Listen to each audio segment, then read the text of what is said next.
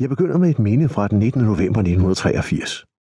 Jeg er i Paris, og han giver mig til frie studier, bor på Cité Universitaire, skriver for det nu lukkede dagblad Arbetet og arbejder med en hovedfagsopgave om en fransk arbejderforfatter, jeg stiftede bekendtskab med året før, Georges Navel.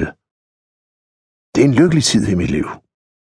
Samme år, i august, er min første roman, Støve Malmø, kom, blevet ansaget på Bonniers. Og jeg lever derfor i den rus, det er at vide, at jeg snart bliver det, jeg allerede længe har drømt om. Forfatter. Om dagen går jeg på Collège de France og hører Michel Foucault og Emal Leroy Ladurie, eller sniger mig ind på École Normale Supérieure og hører Jacques Derrida. At sidde for fødderne af Foucault og Derrida bidrog til at forstærke den intellektuelle rus, jeg dengang levede i. Den 19. november var dagen før jeg fyldte 30. Jeg sad på en studenterrestaurant på Boulevard Jean-Michel, og lige over for mig slog en mand med et sorgfuldt og lidt anstrengt indianeransigt sig ned. Vi begyndte at tale. Det viste sig, at han var mexikaner og arbejdede som kemiker på Ridasa lige i nærheden. Dagen efter havde jeg planlagt en lille fødselsdagsmiddag på mit studenterværelse, og pludselig, uden at jeg husker hvorfor, havde jeg inviteret Juan, som han hed, med til middagen. Vi blev venner, begyndte at ses, og efter en tid fik jeg at vide, at han var flyttet til Paris med en amerikansk kvinde, som han havde fået et barn med.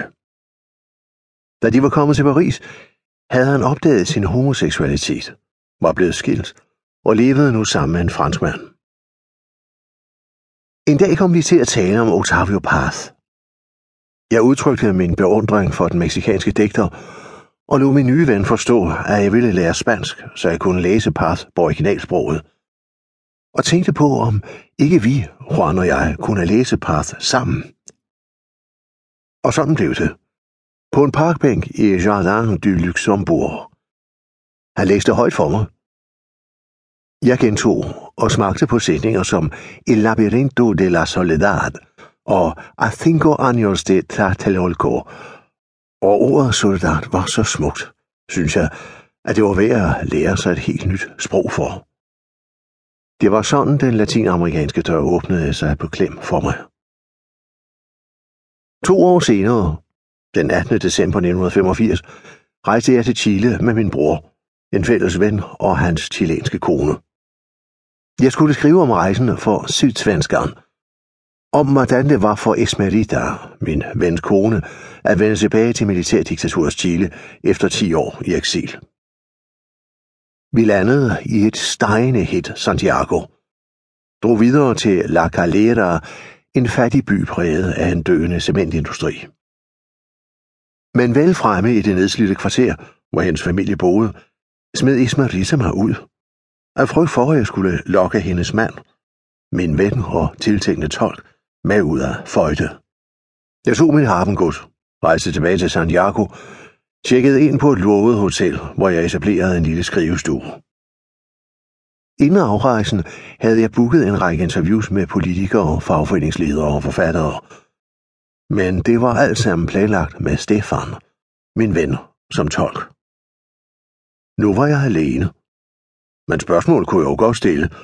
Om aftenen på mit hotelværelse Alene med båndoptageren sad jeg time efter time og transkriberede de svar, jeg havde fået på mine spørgsmål. Der åbnede den spanske og latinamerikanske dør sig på vid gab. Juan på parkbænken i Paris havde hjulpet mig at danne fundamentet. Nu tog jeg endnu et skridt.